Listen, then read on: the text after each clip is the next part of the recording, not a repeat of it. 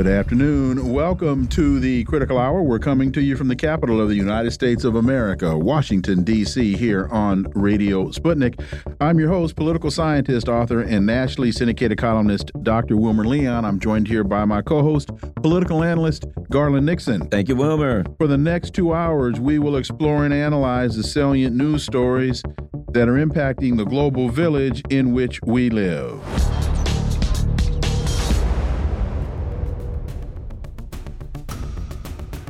The Hill reports Zelensky's number two visits D.C. as U.S. warns Ukraine funds remain running dry. The Biden administration and Ukrainian officials are issuing urgent appeals for Congress to provide military aid for Ukraine, with the White House saying the pot of funding is running dangerously low. This while Sputnik International reports CIA chief says that Ukraine's visit linked to looming palace coup against Zelensky. International Affairs and Security Analyst Mark Sleboda said CIA Director Burns would either tamp down the civil war or tell Zelensky to go quietly. For insight into this, let's turn to our first guest. He holds the John J. and Rebecca Moores Chair of History and African American Studies at the University of Houston. He's one of the most prolific writers of our time. His latest book is entitled Revolting Capital Racism and Radicalism in Washington, D.C., 1900 to 2000. He is Dr. Gerald Horne. As always, sir, welcome back. Thank you for inviting me. So, in a sign of how acute the threat is, Ukrainian President Zelensky dispatched his number two official to Washington this week for meetings at the White House and on Capitol Hill, pleading for aid requested by the president to be approved and delivered. Quote, we know how to achieve victory. Andrea Yermak, head of the Office of the President of Ukraine, said during a speech at the Hudson Institute earlier the week. Meanwhile, we need weapons now. Uh, a couple of things, Dr. Horne. One, we know how to achieve victory. Well, perform. You know, you as the tuna said, you are what your record says you are. And so, uh, if you know how to how to achieve victory, why you been getting your hind parts whooped all of this time? And you need weapons right now. Well, what's happened to all the weapons that you've gotten up to? Oh, they've basically all been either blown up or can now be found on the black market. What's going on here, Dr. Gerald Horne? On the black market in historic Palestine, in fact, to the point where Israel apparently is complaining about Hamas having anti tank missiles that somehow made their way from Ukraine to historic Palestine. In fact, uh, some comics have suggested that it would be more efficient for the United States to ship the weapons directly to Hamas. And uh, that uh, kind of bizarre comedy shows where we're at right now. Now, understand why there's this threat or there's this prospect of a palace coup because it's playing out, quite frankly, in the pages of the North Atlantic press. I'm sure you saw the Washington Post a few days ago, where the Zelensky crowd have suggested that those who helped to blow up the Nord Stream pipeline approximately a year or so ago were actually comrades of the generals in Kiev with whom he is feuding. Uh, this was apparent payback for an article in The Economist just before that, speaking of the British neoconservative weekly, in which General, uh, one of Mr. Zelensky's leading generals, suggested that there was a stalemate on the battlefield, uh, which is code for saying, as you put it rather prosaically, that the Ukrainians are getting their butts whipped. And then before that, in Time magazine, you saw that staff of Mr. Zelensky suggested that he's delusional and that somehow this TV comic actor styles himself as Napoleon Bonaparte, reimagined. I guess he might have gotten a sneak preview of the new Ridley Scott movie uh, starring Joaquin Phoenix, and he's countermanding the orders of his generals who are much more experienced. Now, sadly and unfortunately, uh, Washington is caught up uh, in this uh, comic opera.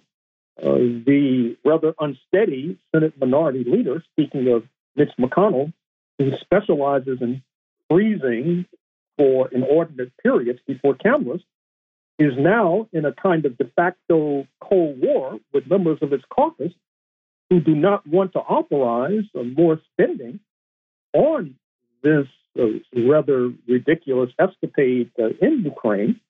In fact, the new bill that has just been signed or will be signed by President Biden, engineered by the mega MAGA speaker, Michael Johnson, contains no spending for Ukraine, no new spending. And then this civil war, this Cold War in the Republican caucus, is reflected all over YouTube. I'm sure you gentlemen in particular are familiar with the frequent appearances of Colonel Macgregor, the former Trump uh, aide, who regularly questions, if not denounces, uh, Kiev. Uh, Judge Napolitano, the former Fox News commentator, ditto. Larry Johnson, the former uh, CIA analyst, ditto. And of course, uh, Senator Rand Paul of Kentucky is not necessarily enthusiastic about uh, this continuation of the Ukraine uh, comic opera himself. And then there is what this portends for NATO.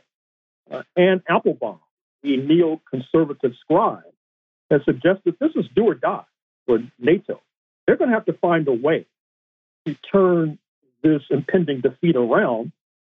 She suggests, if not implies, that otherwise NATO will be headed for the dustbin of history, which, by the way, you may recall was something that President Macron of France intimated uh, some months ago when he said that NATO was brain dead. This was, of course, before the special military operation of February 2022. And we understand why there are these uh, rather uh, important comments about the future of NATO, because as we speak, President Erdogan of Turkey, Turkey, is in Berlin. And it's no secret that there is another kind of Cold War and Civil War unfolding on that battlefront. Uh, the president of Turkey has been unsparing in his denunciation of Israel, unsparing in his praise for Hamas, who he considers to be freedom fighters. Uh, this has not gone down very well in Berlin. Berlin has little alternative but to invite him, since a large part of the working class happens to be of Turkish origin. And as well, I should point out that in recent days in Turkey, there have been massive demonstrations uh, in favor of a ceasefire in historic Palestine, uh, which, as you know, is not necessarily being recommended by the White House. More than that, there have been significant demonstrations at the NATO base in Turkey, which features a complement of U.S. servicemen. If Washington is not careful, they will find that not only will their personnel illegally in Syria, but also in Iraq and elsewhere in the region, uh, come under attack in Turkey, which by some measures has the second most powerful military behind the United States in the North Atlantic Treaty Organization. And a footnote here I'm sure you're following the surveil of the uh, scandal plagued mayor of New York City, Eric Adams, on these allegations that uh, he's been receiving under the table money from Turkish interests. Uh, recall that just a few days ago, the federal authorities stopped him on the streets of lower Manhattan and pushed away his security and took his iPad and cell phone. Now, I'm not naive to be a sufficiently naive to be a coincidence theorist to suggest that it is coincidence that there's troubles with Turkey, and then there's these problems with Eric Adams, particularly since we have reason to suspect that just like there might be an impending prosecution of Eric Adams, some of his Turkish friends uh, may also uh, be spending quality time in courtrooms as well. If that happens, the relationship between uh, Ankara and the North Atlantic Treaty Organization will head further south.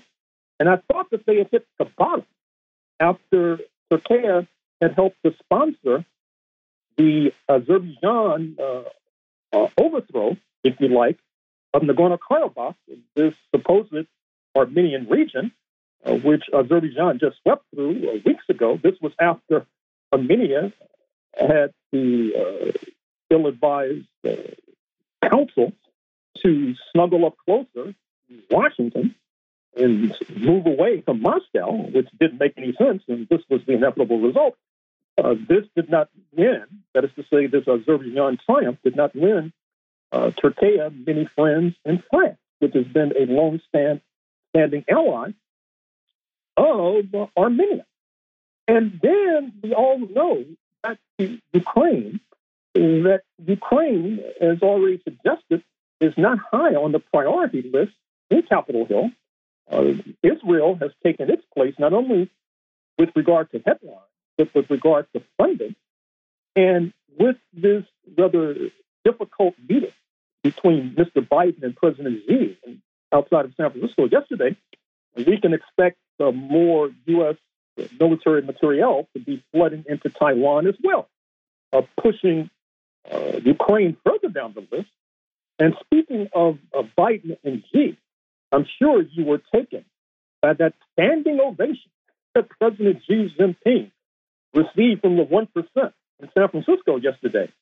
Uh, a crowd that included uh, Tim Cook of Apple, a crowd that included Ray Dalio, a major uh, hedge fund um, billionaire. And uh, I'm not sure if that bodes well uh, for U.S. foreign policy, which is now stuck in this rather bizarre dilemma of having to borrow from the People's Bank of China in order to finance a uh, undermining of the People's Republic of China by dint of this interference in Taiwan, Taiwanese internal affairs. And so we see is that Ukraine is understandably nervous as it gets pushed further down the list of priorities. Uh, we see as well that those who are thinking that the EU may be able to step in where Uncle Sam has failed, they need to think again because the EU economy is sinking slowly. Uh, Germany, the erstwhile locomotive of the EU economy, is suffering because it was forced to turn away from cheap natural gas uh, from Russia. And that helps to explain why CIA Director William Burns who in many ways is de facto Secretary of State. I'm not sure what Antony Blinken does besides grimace when Mr. Biden, as he did yesterday, calls uh, a dictator. Uh, that's why Anthony Burns, excuse me, William Burns, there's so many Burns, William Burns is now in Kiev uh, trying to clean up that mess or perhaps push further down the road this expected palace coup. A group of Palestinian Americans on Thursday urged a federal court to issue a preliminary injunction barring the Biden administration from providing any additional weaponry or diplomatic support to the Israeli military as it carries out mass atrocities in Gaza. We also see that uh, there were people uh, protesting in front of the the D, uh, the DNC the other night that were promptly beaten by police. That was led by the Jewish Voices for Peace. We also see um, numerous, there's the same things going on in Canada, and we see significant backlash from internal um, groups within the Biden administration at the State Department, USAID, et cetera. Your thoughts, Dr. Horne? Well, not only that, but I'm sure you paid attention to what happened on the West Coast of the United States just a few days ago when protesters at the ports of Tacoma and Oakland were seeking to stop U.S. ship supposedly bound for Israel with military materiel uh, from departing. Uh, this was highly significant. I'm sure you're familiar with the referral being made to the International Criminal Court in The Hague by Algeria and Colombia, of the latter being a former ally of Washington, targeting uh, Mr. Netanyahu and his cronies and comrades, who, by the way, have been engaging in increasingly overheated rhetoric I'm sure you saw the article in the New York Times yesterday by Mark Landler, where the Israeli officials are quoted as calling uh, Palestinian animals. Sarah Netanyahu, the spouse of the prime minister, said that that was an insult to animals. The talk about dropping a nuclear bomb on Gaza. Uh, this is eerily reminiscent, I'm afraid to say, of the kind of overheated rhetoric that was used in the spring of 1994 before the Rwanda genocide. And that's why I salute the Center for Constitutional Rights, the public interest law firm in Washington, excuse me, in New York, by complimenting the referral by Algeria and Colombia by filing a suit uh, seeking to ensure that the U.S. administration adheres to the Genocide Convention. If the U.S. administration ignores that suit, or given the state of the right wing court somehow is able to prevail, uh, hopefully that will just be more grist for the mill for the ICC, which can rescue its tattered reputation for simply uh, going after uh, leaders uh, in Africa. The U.S. administration, not to mention their comrades at Foggy Bottom, across the river at the Pentagon, Langley, Virginia, etc., uh, need to realize that they are aiders and abettors and accomplices of genocide.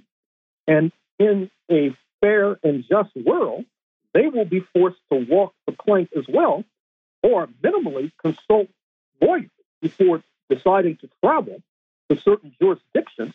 Because I'm sure you saw the article uh, about how France is seeking to invoke universal jurisdiction to arrest the president of Syria.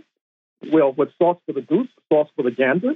Uh, let's say that uh, Algeria or Colombia can invoke universal jurisdiction to arrest a visiting U.S. diplomat, for example. So we are in the middle of a global crisis. Uh, the world is basically facing a fork in the road. Down one road, obviously, lies genocide, lies continuing Israeli depredations. Down another road, perhaps we are experiencing the birth pangs of a new international order where U.S. imperialism and its moth eaten, rules based international order, where they make the rules and give the orders, becomes emptied into the dustbin of history. I was watching, I think it was MSNBC uh, Wednesday evening, and they were interviewing um, a guy who's a member of the of the Israeli Knesset, and he was explaining this latest proposal and the anger of the uh, occupying government, uh, the Zionist government in, in occupied Palestine, that more countries aren't taking Palestinian refugees. And he was angry at Egypt and he was angry at another number of other countries, talking about it's how important it is for them to allow these quote unquote displaced Palestinians uh, to resettle. And what that said to me was, oh, so really what you're doing is you're just admitting to the world that all of this is is a land grab, that you're you're trying to turn Gaza into rubble so that you can acquire that Mediterranean beachfront property that that you want to build on. And what what also got my attention is how often the Zionist government just tells on itself. It it has admitted clearly that this is um, uh, retribution, that it, this is collective punishment. It has admitted in a number of instances that it's committing war crimes, but that all of that does not seem to uh, to sway the dominant opinion. Your your thoughts? Does not sway the dominant opinion, indeed, and that brings us to that unfortunate demonstration in Washington just the other day, where the press reported that there were 290,000 folks in this pro-Israel rally. My sources tell me it was closer to 15,000. So once again, are going to have to uh, have a talking to with the corporate media but more than that, there was the appearance on the platform of naked anti Semites, such as the so called Christian uh, Zionists, as they dubbed themselves. We saw the shouting down of the black CNN commentator Van Jones after he called for peace and was drowned out by cries of, of no ceasefire. And with regard to these Israeli authorities telling on themselves, keep in mind that there might be something even more diabolical involved than gaining that uh, treasured beachfront property in Gaza on the Mediterranean, there is the prospect of doing a double play on Cairo. That is to say, uh, building a so called Ben Gurion Canal, as it has been dubbed, mm -hmm.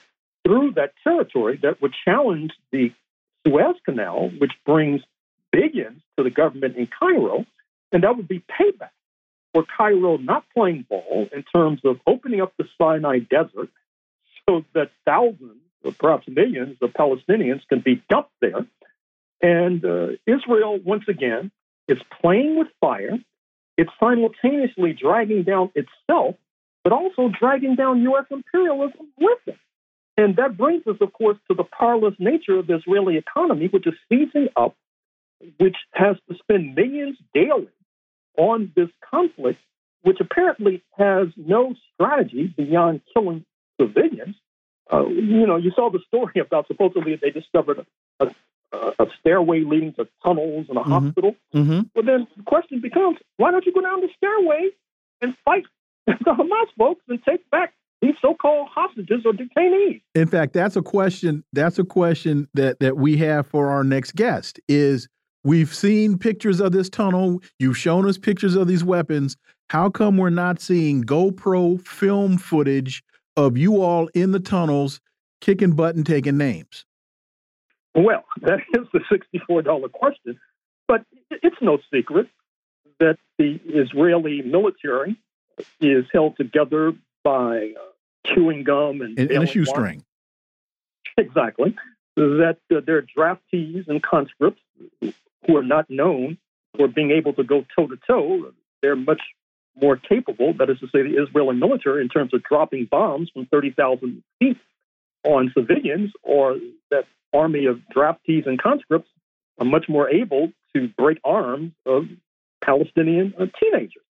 And so Israel faces a, a real crisis right now, which brings us to the book written some years ago by the investigative journalist Seymour Hersh, Samson's option, where he said that rather than go down solely, that Israel would try to bring down the entire temple.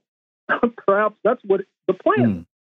to trigger World War III, or at least uh, bring down, for example, neighboring regimes in Cairo, or for example, reference the bombing just a few hours ago of Damascus. Dr. Gerald Horne, as always, thank you so much for your time. Greatly, greatly appreciate that analysis, and we look forward to having you back. Thank you. Folks, you're listening to the Critical Hour on Radio Sputnik. I'm Wilmer Leon. I'm joined here by my co host, Garland Nixon. There's more on the other side. Stay tuned.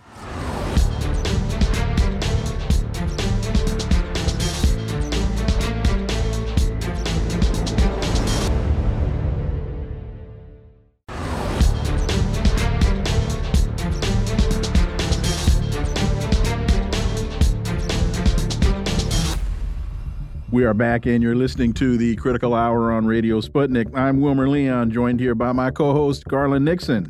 Thank you, Wilmer. The Times of Israel reports IDF reveals entrance to Hamas tunnel, weapons cache found in uh, Shifa Hospital.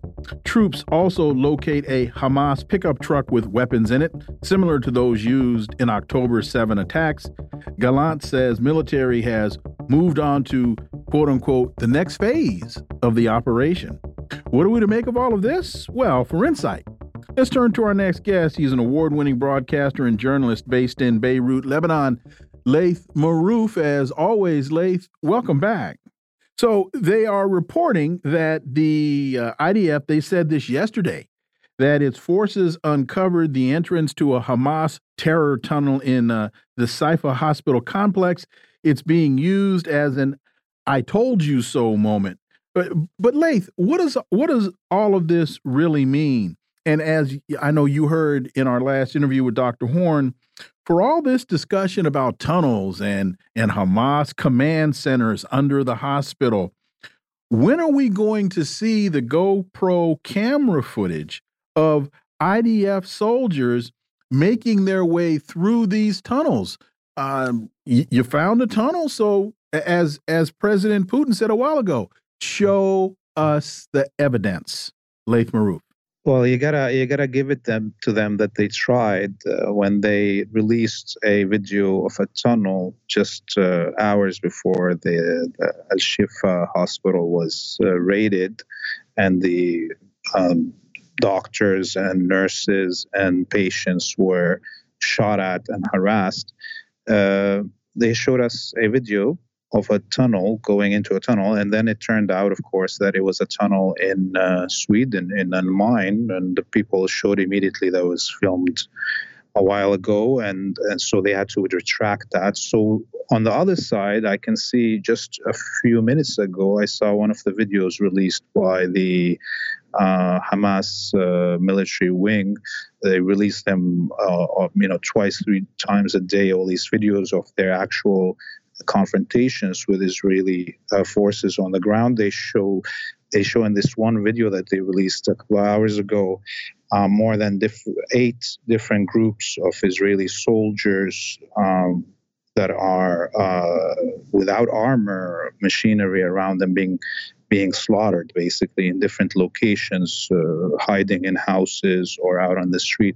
So we can see that the Palestinian resistance is showing daily output of its actions uh, directed at the military. And the Israelis who have Hollywood behind them are failing completely in this, and they keep on releasing uh, one fake story after another and getting outed on it, including this story with the Al Shifa hospital. By the way, the videos uh, they released uh, an original video, the Israeli military, and then they deleted it off the net and then they re-put a new shot of it and claim that it's one shot when it's clearly edited out.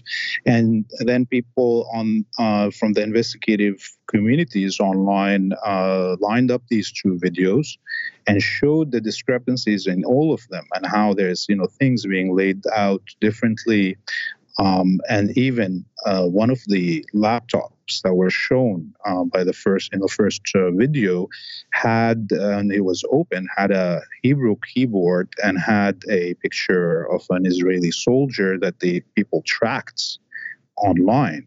And then they, it uh, on the second uh, video that was released, uh, that laptop was, you know, closed and uh, covered, so you couldn't see the the things that were on it. So you could see that this was uh, all set up, and they failed uh, in their uh, Hollywood production. I can't believe this. Hollywood is failing. I mean, all these Hollywood uh, stars that are standing with Israel, they can't produce it uh, some good propaganda in 2023 the Hamas is not only beating them on the battlefield, they're beating them in the propaganda of video production. That's that's that's the new world we live in. Laith, um, also, I read recently that um, the Israelis um, basically outlawed uh, the Al Mayadeen um, news site from reporting, um, and it seems to me that even though they're, you know, they've they've outlawed a number of the um, uh, the news, uh, various you know uh, Middle Eastern news organizations from operating, it still seems to me that it's not doing any good because there's a lot of information. There's videos, there's pictures. I mean, everything is getting out from alternative media or just individual accounts on Telegram or whatever the case may be. Um, that the information stopping the traditional news sites has not stopped the flow of information. Laith. Yes, yes, definitely. But you see, Al Mayadeen has been crucial uh, because it is the only pan Arab uh, station that is uh, anti imperialist. Um, you know, you may have local stations in Syria or whatever, but they're not broadcasting to all the Arabic world. They're not broadcasting from all the Arabic world as Al Mayadeen is, and, and such having that stature.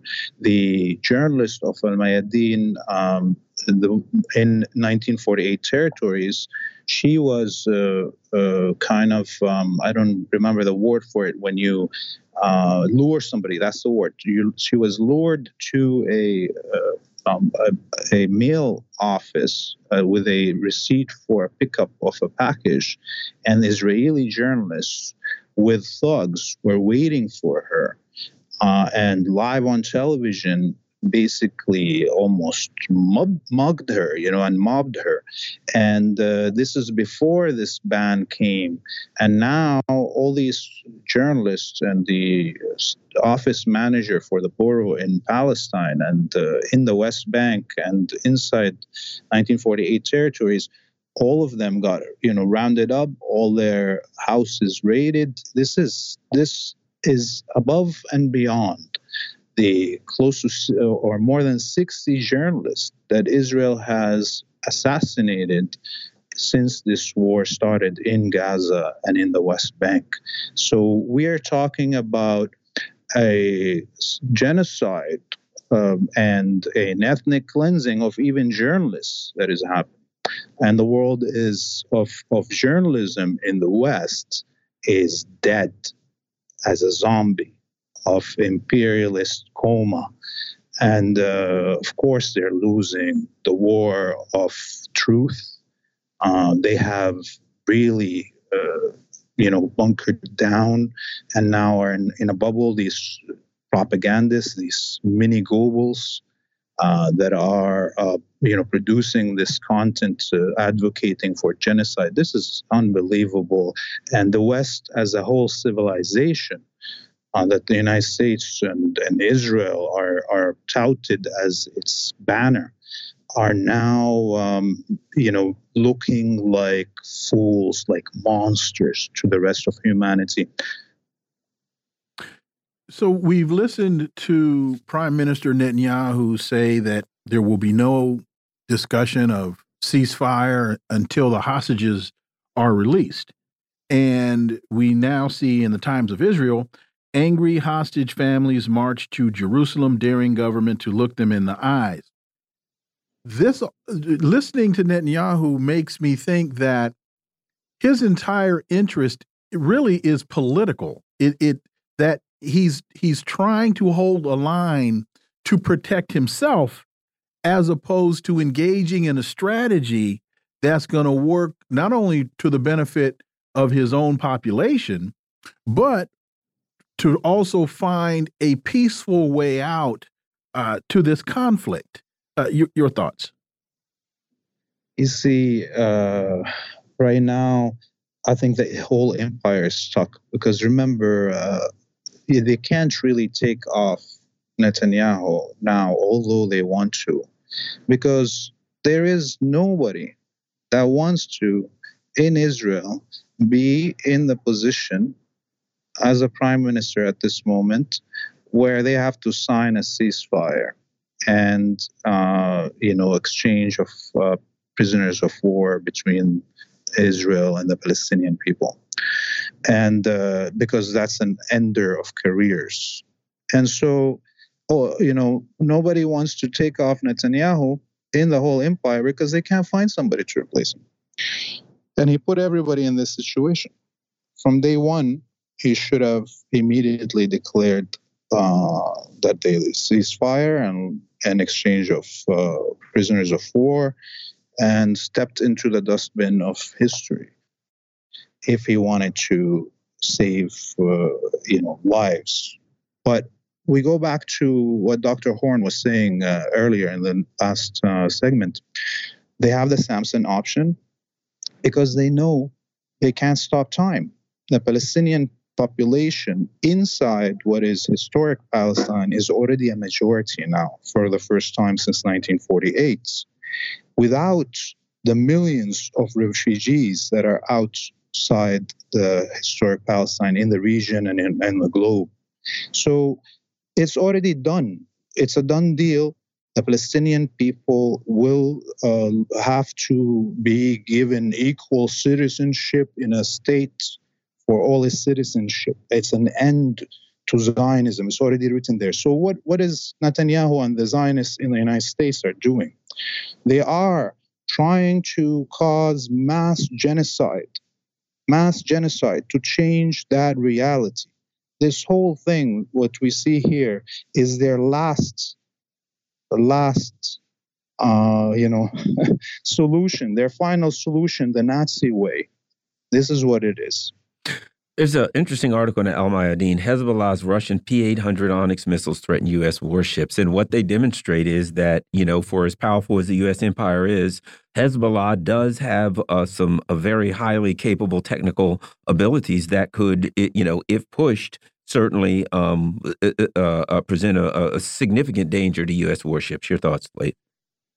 Oh yeah, this is uh, a, a, game changer, of course, and the you know, Hezbollah had showed, uh, if you remember, uh, a year ago when Israelis were trying to steal uh, the gas fields of Lebanon, and Hezbollah released all those drones and showed them that they can reach those targets. Plus, they showed uh, the actual um, excavator in the middle of the sea from the scopes of this um, missile that can take um, out ships and can guide itself. What's you know you shoot and forget as they called it, where you shoot it and it it it zooms around and makes sure no nothing hits it and it's EMP uh, protected. It's all of that. It can, can hit definitely every American ship that tries to enter the battle. But look, there's already 80,000 American, Canadian, German, French, Italian, British troops on the ground in Palestine right now. If a war breaks out with Lebanon, we're already at this. It will be a battle because Israel is already defeated, and it will be a battle between the United States and its um, vessels in Europe, along with this uh, colony uh, against the people of the region. And uh, I tell you, we already see genocide happening. But what we we will see in order to maintain this uh, superiority of numbers and, and, and genocidal supremacy uh, is is a Holocaust. They want to go there, and that's the Samson option that Dr. Horne was talking to, to you about. So, what does this say to you, looking at the technology that's involved in this particular Onyx missile? It's a surface to surface supersonic anti ship missile. It's nine meters long. It weighs almost four tons. Its warhead is 200 kilograms, which I think is about 400 and some odd, 440 pounds. It's equipped with fire and forget guidance technology, which means it can self adjust uh, to take out the target without being in line with it when it's launched and it's immune to el electronic countermeasures. I mean, this is this is a very sophisticated weapon, and so we keep hearing just about with every reference to uh, Iranian-sponsored groups and so on and so forth. I mean, this is highly, this is high technology, and I don't even know if the United States realized that Hezbollah has this type of weaponry. Uh, your thoughts? Oh yeah, they they do realize that Hezbollah has this weaponry, and this is why all these hordes are on our shores. I mean, the biggest uh, armada assembled since World War II. To you know, so they know they're going to lose a lot of ships if this starts, and that's why they have so many there. It's going to be a bloody war, and everybody needs to be uh, ready for this. Uh, the genocide is just beginning. Uh, it's sad to say that the United States and the West do not want to accept Arabic people in general, Palestinian people in particular, as equal human beings. And for the last 30 years, they've killed millions, millions of Arabic people. Millions. And so, what is it to them if another million Palestinians are killed? This is where we at, and you see it how the Western media is speaking about it. Um, and uh, but we are ready also. Uh, and no people who want freedom uh, are not. Uh, if they're not ready, they should not get into a war with their oppressor. And we are ready. And the whole region is ready uh, militarily for that. Uh, Sayyid Hassan Nasrallah, in his last speech, reiterated that he has the full measures to deal with the American hordes uh, on our shores. This is frightening to, to say the least. Uh, really quickly, uh, military recovers the bodies of two Israeli hostages, and you know, getting back to the the point about the tunnels and not going into the tunnels, and what's what's your report? We got a couple minutes left. What's your report on? Um, we got no pictures of anybody, nothing. Um, everything is made up. And in reality, every uh, hostage captured POW that was in Gaza that died or was harmed was because of Israeli bombardment. The Palestinians have no interest in killing these POWs because they were to be exchanged with the thousands of Palestinian POWs that are languishing in Israeli jails and have been being tortured every day right now.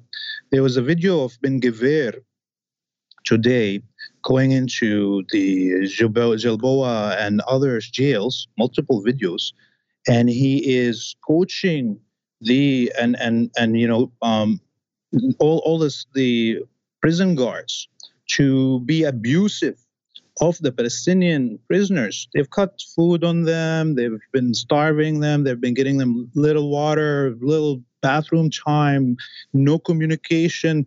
For the last month, this is what's been happening to the Palestinian prisoners. He turned all, as the Minister of Internal Security, Ben Gvir, he turned all the Israeli prisons into uh, Abu Ghraib's and Guantanamos. This is what he's doing right now to all the prisoners, the Palestinian prisoners. And we are being told that Israeli uh, POWs are worth 15,000 Palestinian dead and the torture and death of 10,000 Palestinian prisoners uh, languishing in Israeli mm. dungeons. Laith Marouf, as always, thank you so much for your time. Greatly, greatly appreciate that analysis, and we look forward to having you back. You have a great day. Folks, you're listening to the Critical Hour on Radio Sputnik. I'm Wilmer Leon. I'm joined here by my co host, Garland Nixon. There's more on the other side. Stay tuned.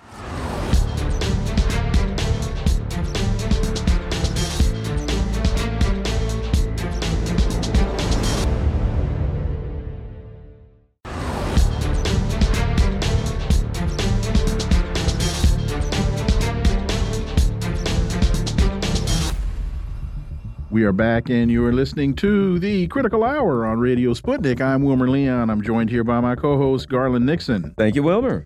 President Xi and Biden met in San Francisco Wednesday.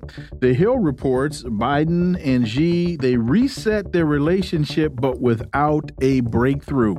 President Biden and Chinese President Xi Jinping took steps to ease tensions across the Indo-Pacific, opening a new chapter after a tumultuous period of uncertainty in the region.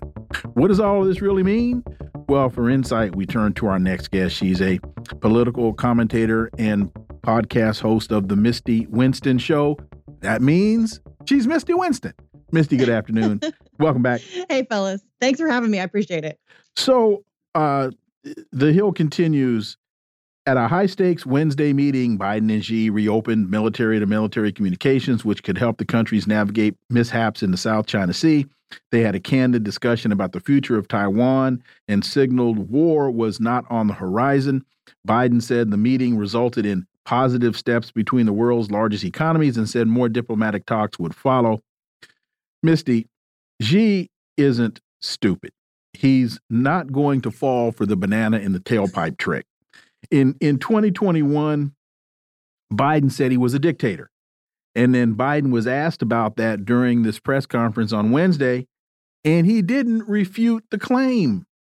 Uh, he he passed on a definitive no and if you look at Blinken's body language, oh boy. well, there you go, Misty Winston. so all of this gibberish, um, they reset the relationship. Xi knows better than anybody he can't trust Biden, and Biden just let that be known internationally by, hey, you said this guy was a dictator. Is he a dictator? Well, uh, um, well, I'm, let's ask uh, let's ask Corn Pop that question, Misty Winston. well, I mean, he kind of just said yes, he is a dictator. And uh, I, you know what? I never thought I would say this, but I kind of felt bad for Antony Blinken for a second. I mean, that poor guy, I feel like he is constantly on edge trying to deal with uh, Biden and his shenanigans. And it, he, it, the if you have if, if the listeners have not seen the video of his reaction to that comment and Biden's response, please go watch it. It is so funny. Uh, he it, it, it like outwardly cringed. It was amazing. But yes, Xi is not an idiot. He knows that he cannot trust uh, Joe Biden. He knows that he cannot trust the United States in general. And I think that really the only thing that he was seeking to gain from this was just um, that kind of the, the door opening. He needs for the sanctions to be uh, relieved on uh, China. I mean, I, I think that, that that's very abundantly clear. And I think that I think that this was really for him mostly just about testing the water, seeing where things are. But you're right, he's not an idiot. He's not going to. Uh, I don't think he believes anything that he's being told. But I think that this was really just a way for him to kind of, uh, you know, see where he is, see where he stands, see where the United States head is at, um, and and kind of you know maybe try to open that door for those productive conversations. You know, I also think something else was going on there. I think it was part of it was what he could see, but I think other part of it was what he could demonstrate. Here's what I mean. You had the Tim Cooks of the world and the Elon Musk. You know, you had these powerful, the most powerful oligarchs in this country, and, and some may argue some of the most powerful oligarchs in the world, in in the audience, clapping, giving him, um, you know, standing ovations. I also think he came here to show look, there is a very significant a faction of the ruling elite who are getting paid off of doing business with 1.4 billion Chinese. And so he could demonstrate to the world and to the neocons look, I got friends here. People are getting paid off of this. They don't want you to screw this thing up, uh, Misty. Yeah, no, you're absolutely right. And I think that this was um, really kind of savvy on Xi's part. I think that he, uh, coming here, I think uh, it showed that he was open to the that the, the, direct line of communication. I think it shows that he's the bigger person. I think that there's been a whole host of things that have gone on recently that uh, you know the the Nancy Pelosi visit to Taiwan and all of that stuff, which kind of shut down military to military communications, which has caused quite a bit of really close calls in the South China Sea. Um, uh, there's been numerous instances where there's been, you know, so and so almost hit so and so's ship or whatever. There's been a whole lot of back and forth there. So um, I think that you know this. Uh, you're right. He does have a lot of friends here. I think that uh, you know there's a lot of people that want to do business with China in the United States. I think that that is an obvious thing. Uh, so yeah, I think that this uh, it serves many purposes for President Xi. He didn't get anything uh, definitive. There was nothing really substantive that he gained from this visit, but I think uh, I think that he's really just kind of laying the groundwork. The the major thing that I think Biden accomplished in this meeting, and I can't wait to to see the campaign commercials. We may get more pandas out the deal. So that shows you how savvy of, an, of a negotiator Joe Biden is. The Hill reports Democrats face no, but on a serious tip, that's that's another master stroke by Xi. He's giving the sleeves off his vest. He saw how unhappy Americans were when the pandas left a couple weeks ago. And so I'll make these Americans really happy. I'll give them more pandas. And now everybody's, you know, oh, what what a, what a nice guy. Sleeves off his vest. Um, the Hill reports Democrats face growing pressure to back Israel ceasefire. Democratic leaders in Washington are facing increasing pressure to prod Israel to scale back military operations in Gaza, where rising civilian casualties have triggered human rights uh, protests around. I said last week that Israel, with, with this action in Gaza, has bombed the world into reality. And now Western media is forced, forced not to be balanced, but at least to show more realistic coverage of the of the genocide that the that the occupying government in in occupied Palestine is engaging in, and it's turning the stomachs of Americans. Yeah, 100%. And I think that you're right. I think that we've seen CNN has now started to kind of, I mean, I think it was uh, Jake Tapper is even doing stories that are slightly critical of Israel, which is a monumental turn. Uh, also, the BBC, they did a very um, critical piece recently where they, I mean, w- Sky News has come out, multiple different mainstream media outlets have come out and said that they're allowed to be on the ground, they're allowed to film there, but they can only film where Israel tells them to.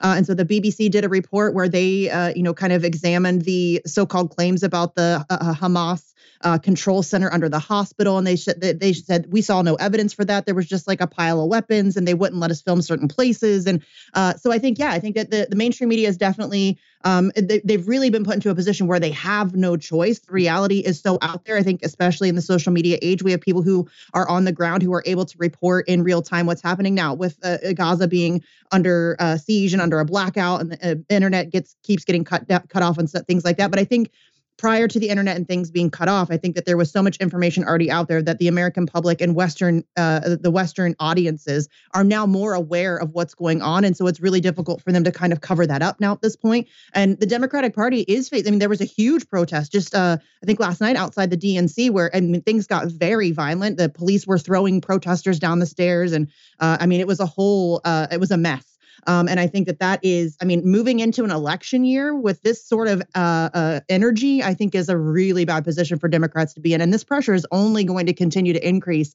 as this genocide continues. Yeah, I remember at the uh, rally the other week, there were all these people chanting, We'll remember in November. Um, yeah. and, and, and, here's the thing, you know, exactly what Wilmer said Israel bombing people into reality. I have told this story again, I tell it again.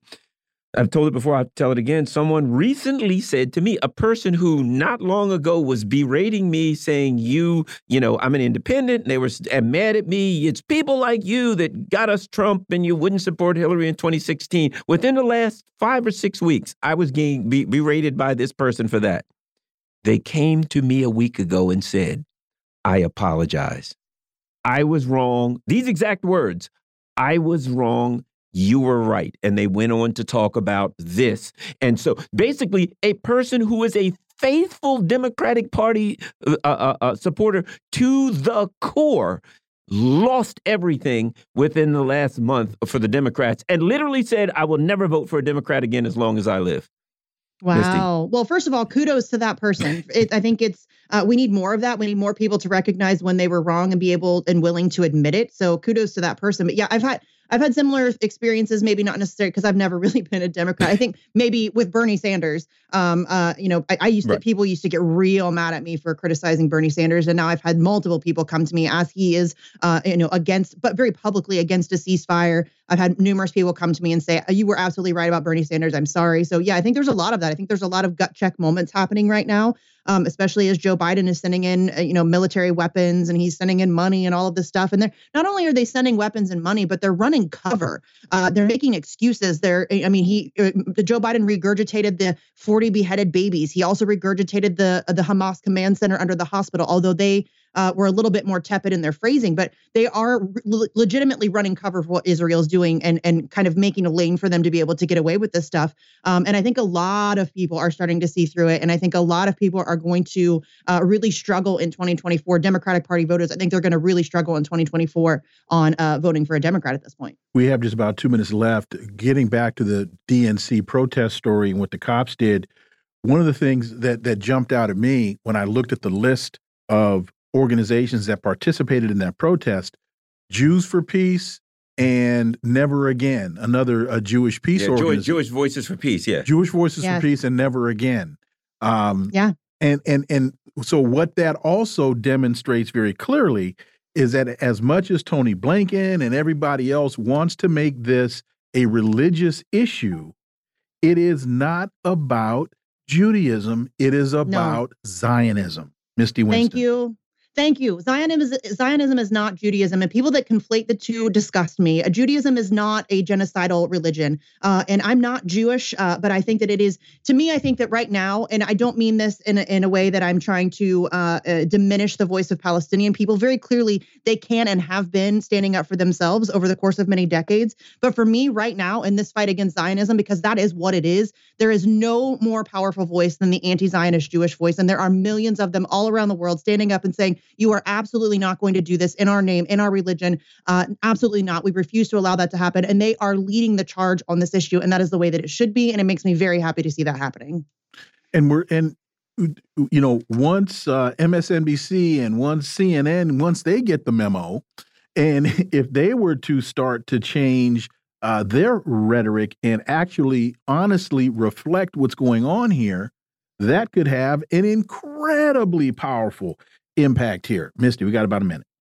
Yeah, I doubt that that ever happens. I think that they will very carefully try to walk the line between being uh, real about what's happening while also running cover for Israel. I think, unfortunately, they're completely co opted. It would be great to see. I don't think that's going to happen, but I don't think it matters at this point. I think enough people in the public have seen the reality of what Israel is doing. And I think that that's probably going to be enough at some point.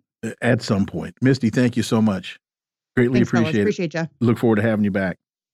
Anytime. All right. So so Garland Nixon, if you can get maybe 15,000 more people to say that they were wrong and you were right, then, you know, you might become the leader of a movement. Oh, they're thinking it. They're thinking it. They, just, don't, they just don't know me. trust me, they're posting it online. Oh no, you and I'm getting the, I'm getting the same thing. I'm getting exactly the same thing. They, you know, man, you were saying this two years ago. You were saying this last year, and wow, you you were absolutely right. You know, okay, well, and then pay more attention. Listen to me now. Yeah. uh, one more thing I'll say in this. I think they opened a wound, a colonial wound, oh, where yeah. a lot of black people, Native Americans, et cetera, look at that and they think, yeah, that's really what they did to us. We've seen this movie before. Yep. Folks, you're listening to the Critical Hour on, and we started it. You're, you're listening to the Critical Hour on Radio Sputnik. I'm Wilmer Leon. I'm joined here by my co-host Garland Nixon. There's another hour on the other side. Stay tuned.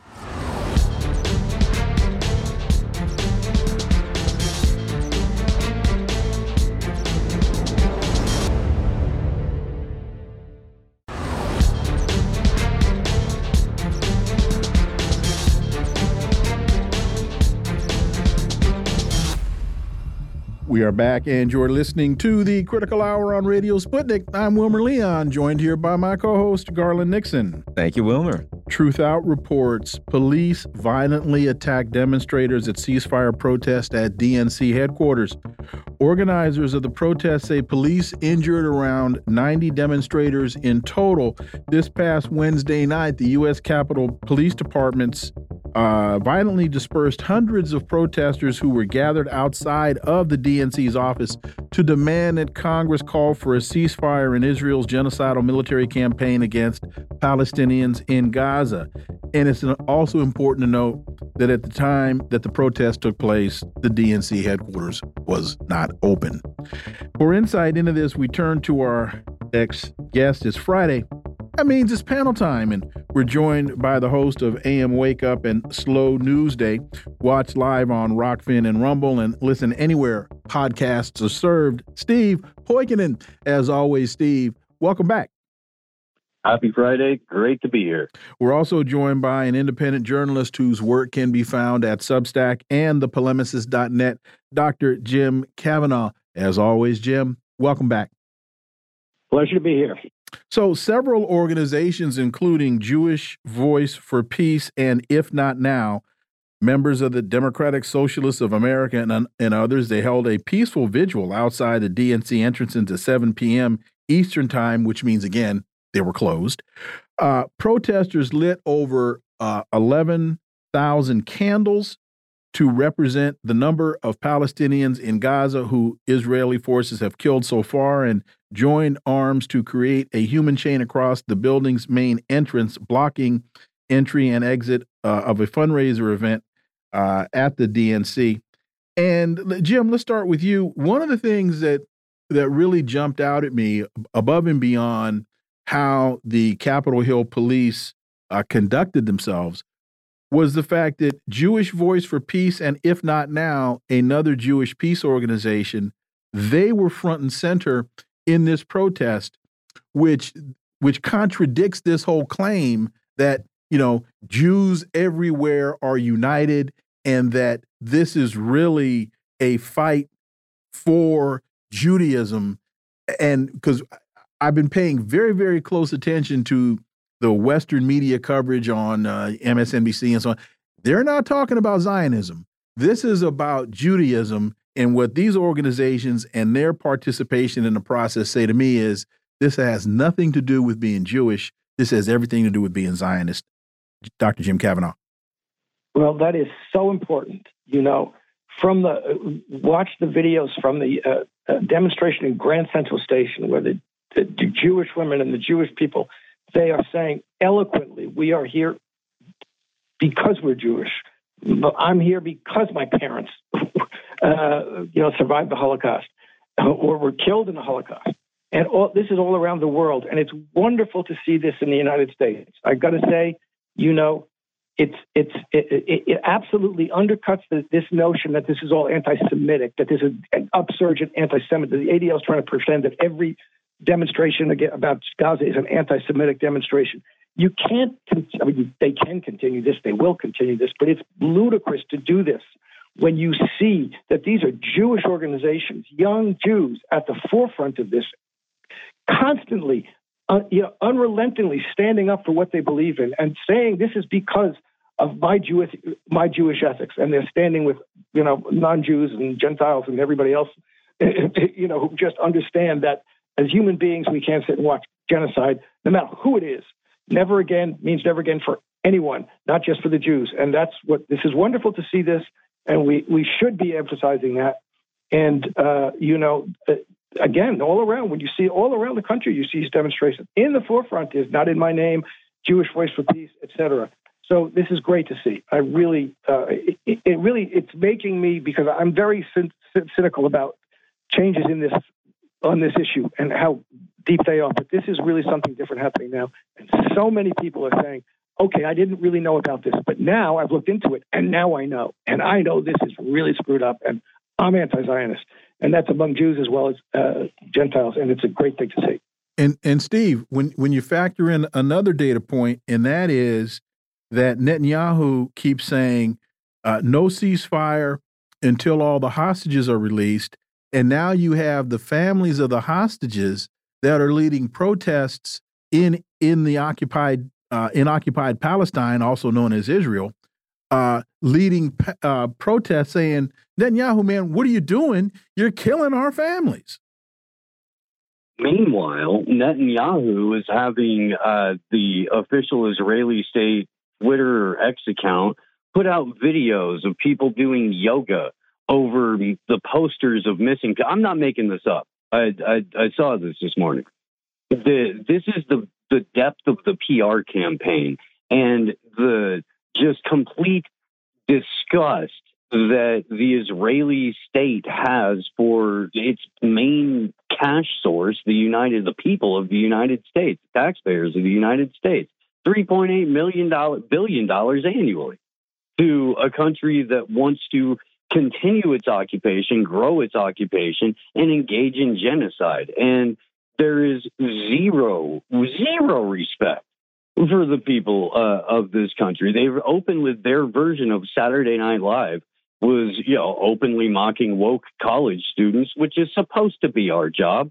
That's supposed to be our job. Um, it, bring it back to the point uh, of the protest at the DNC, though. The Capitol Police, they really love it when they get to violently disrupt a protest. It's one of their favorite things. And fundraiser or not, Wilmer's point stands. It's not as if the DNC was conducting actual business. They right. were conducting their money laundering, which is their official business. But the Capitol Police, you know, got to to break out the tear gas, break out the plastic bullets, and go crack some skulls. And that's what they're going to do at every available opportunity. You know, Jim, uh, uh, uh, to to to segue to to, to uh, add to what Steve was saying, what's interesting, of course, you got a bunch of um, people there and let's face it, the odds are these were Democrats. These were not Republicans because, you know, Republicans aren't going to go into the DNC uh, headquarters. So these are Democrats, members of the Democratic Party.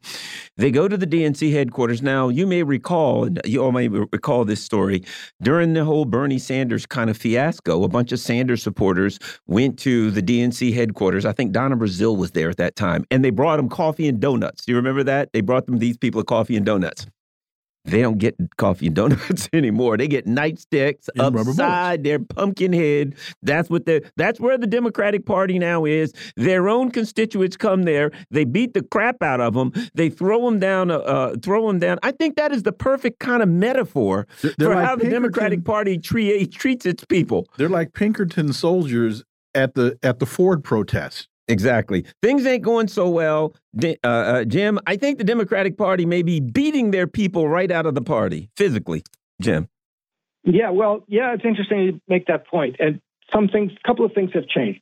One, this is the issue of Israel. So this is not this is a taboo to, to do this kind of demonstration. Is they're really threatened by it, especially when it's led by Jewish kids, and they're going to you know going to uh, be much more repressive about it.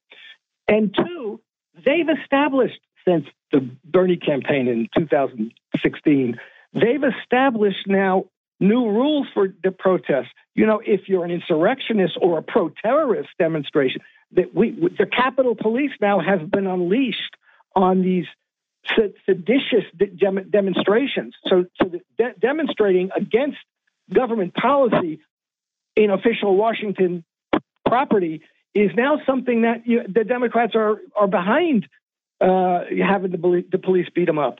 So they've they've changed this game, you know, and a lot of the people who were there should recognize this. You know, a lot of people who were there who who are uh, uh, egging on and cheering on the, the repression of so-called uh, uh, insurrectionists and the, the prosecution of insurrectionists are feeling now the effects of that on them.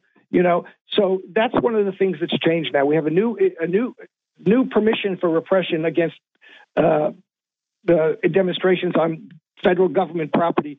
You, know, you can just call them insurrectionists, or as they did this, pro-terrorists, and then unleash the newly funded capitalist police on uh, uh, Steve. And I remember at the protest a couple weeks ago, there were like, I mean, literally thousands of people chanting, "We'll remember in November." As I've, you know, you've heard my story about uh, time and again about somebody coming to me apologizing, a diehard Democrat coming to me apologizing, saying, "I'm sorry, you were wrong, I was right." Not that I'm pro-Republican, I'm an independent. It seems to me that they are literally beating their own constituents out of the party, literally just beating them right out of the party, Jim. I mean, uh, Steve. Yeah, the Democrats have a real problem, gentlemen. They they really do. They've been they've been doing this rule by uh, smug indifference to people's problems because they can always pivot and say, "Well, we're not as bad as those guys."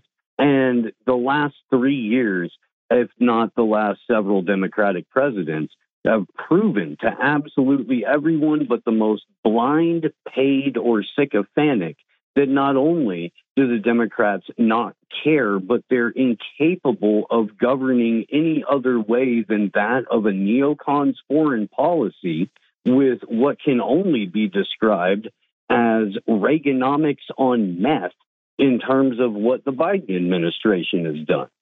Uh, so that, what are they supposed to do? It's not. They've already told. They've already told their constituency. Look, you've got nowhere else to go. Of course, we're going to beat you. Of course, we're going to pin you in free speech zones that are a mile and a half away from where we're doing our dirt. Of course, we're going to turn our backs on you once we've given you your vote. But what else are you going to do?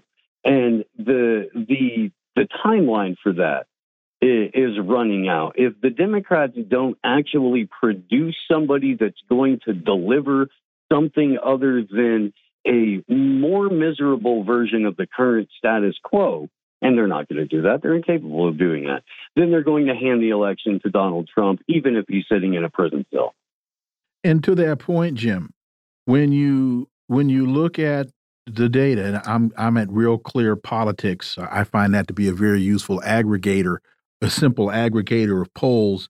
Uh, Trump Biden, the Trump Biden race is a dead heat. It's uh, Trump is up by 1.6 points, so that's within the margin of error. So we'll call that even.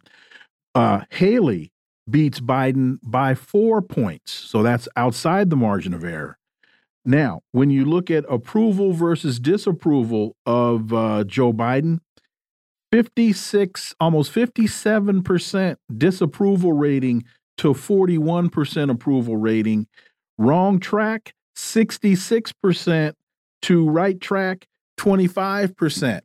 What that says to me, if I'm looking at the potential pool of voters for a Democratic candidate, a lot of folks are going to stay, they're going to sit this one out. As Garland and I are now joking, they're going to stay home and rake leaves. Um, Jim Kavanagh. Oh, watch Netflix. Yeah, uh, yeah. It, but it's true. I mean, it, this is politically impossible for with those kinds of disapproval numbers and dissatisfaction numbers. It's it's impossible for Biden. You know, he's got he's down. Trump is getting 22 percent, I think, of the black vote and over 40 percent of the Latino vote in these polls. I mean, that's that's death for the Democrats, right? Mm-hmm. He, he, he's uh, Trump and Biden are, you know, within a point of each other on, on young voters in a number of different polls. So that's death to the Democrat. That's death for Biden uh, politically. I don't know, you know, actually, they must be thinking they can fix the election and rig the election in in key states and in key precincts, and that's possible.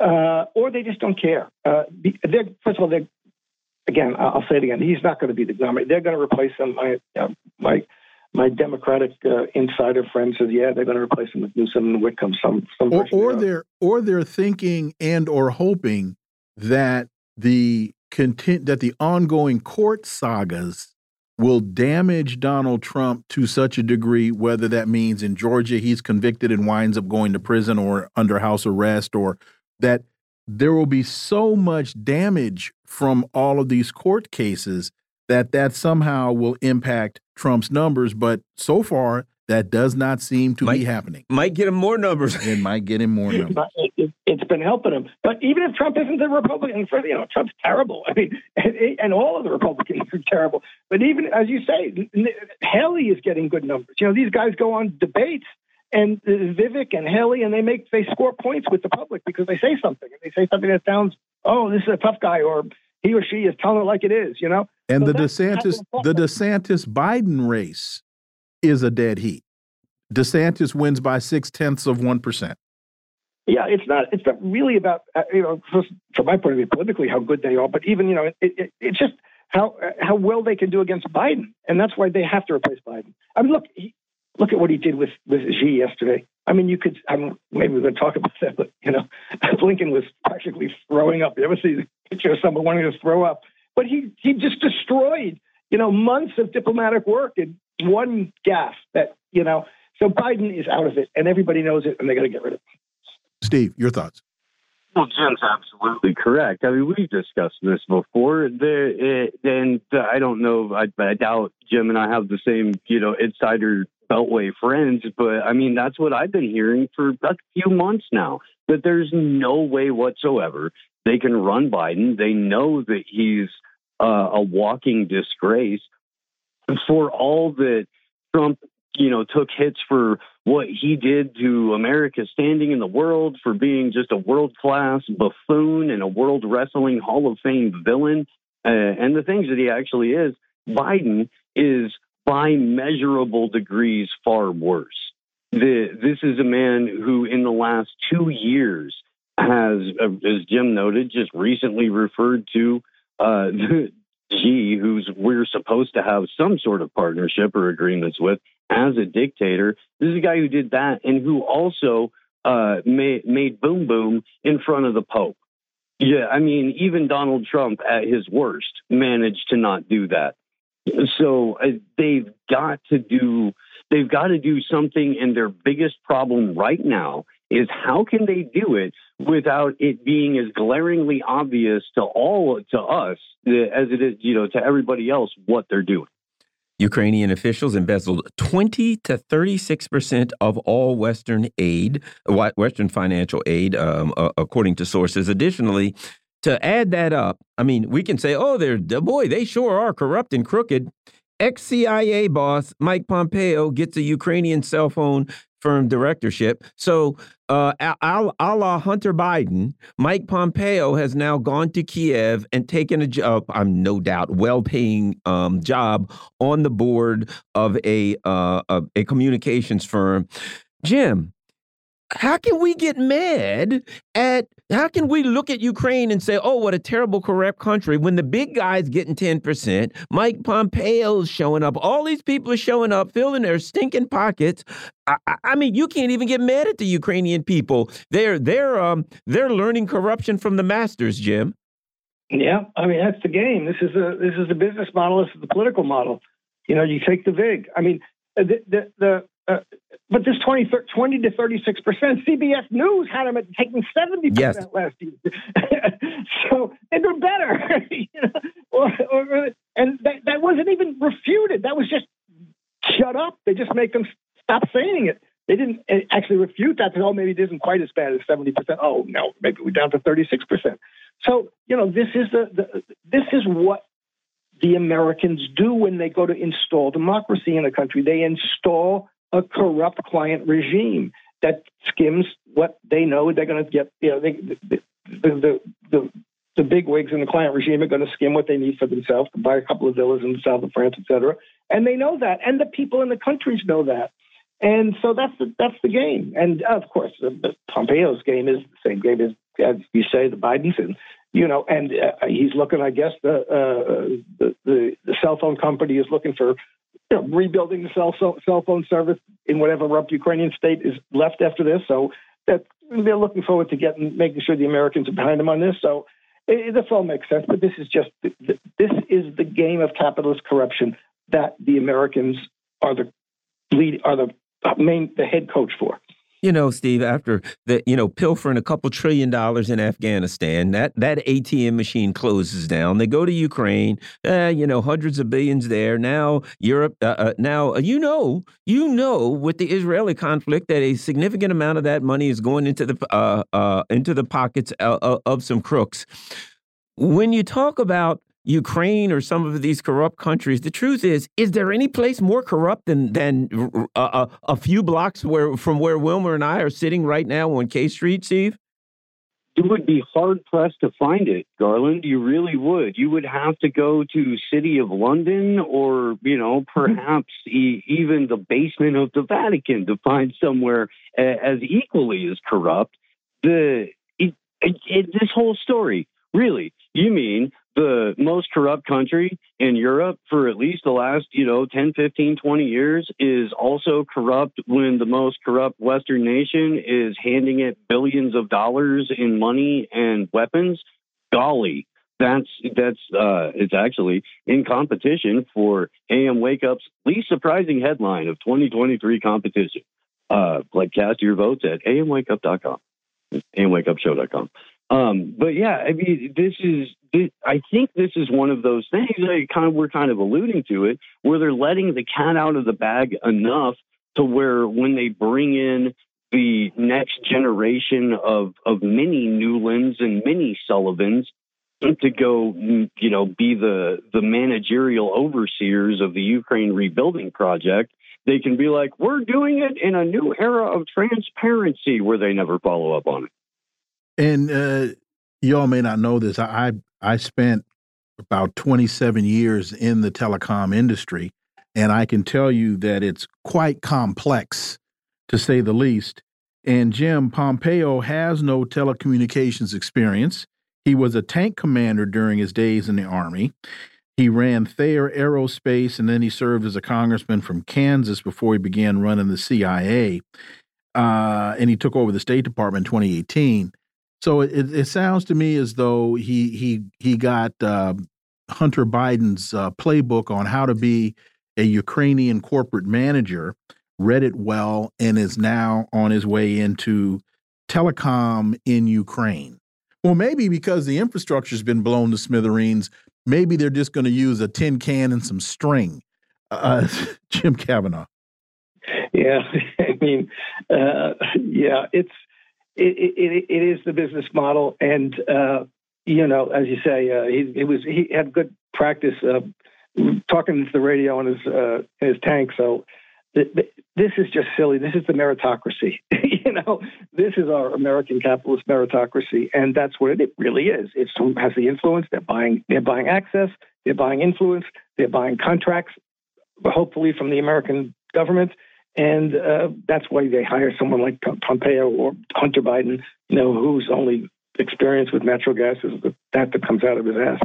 But uh, uh, you know, so these are uh, this is the meritocracy. It's not meritocracy. It's corruption and and selling and buying influence.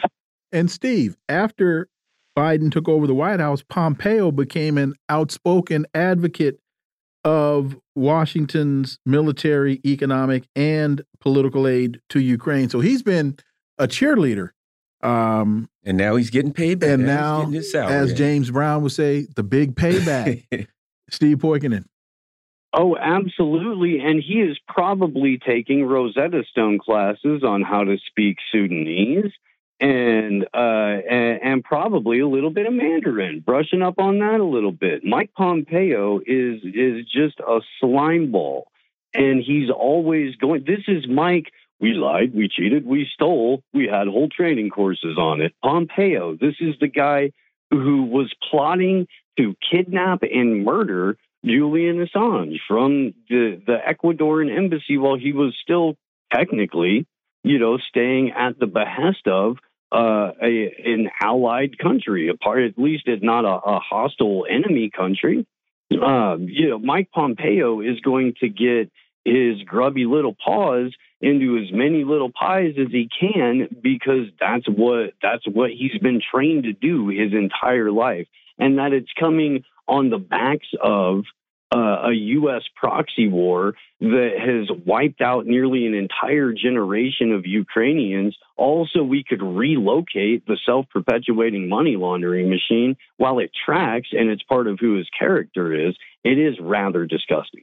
See, that's the um, business model for these neocons. If you remember Richard Perle, when he was with uh, uh, the uh, W. Bush administration. He sat on this de defense policy board. They found out that he was getting millions from some company for decisions that were being made on the board, right? They didn't throw him off the board. They just said you can't be chairman of the board anymore.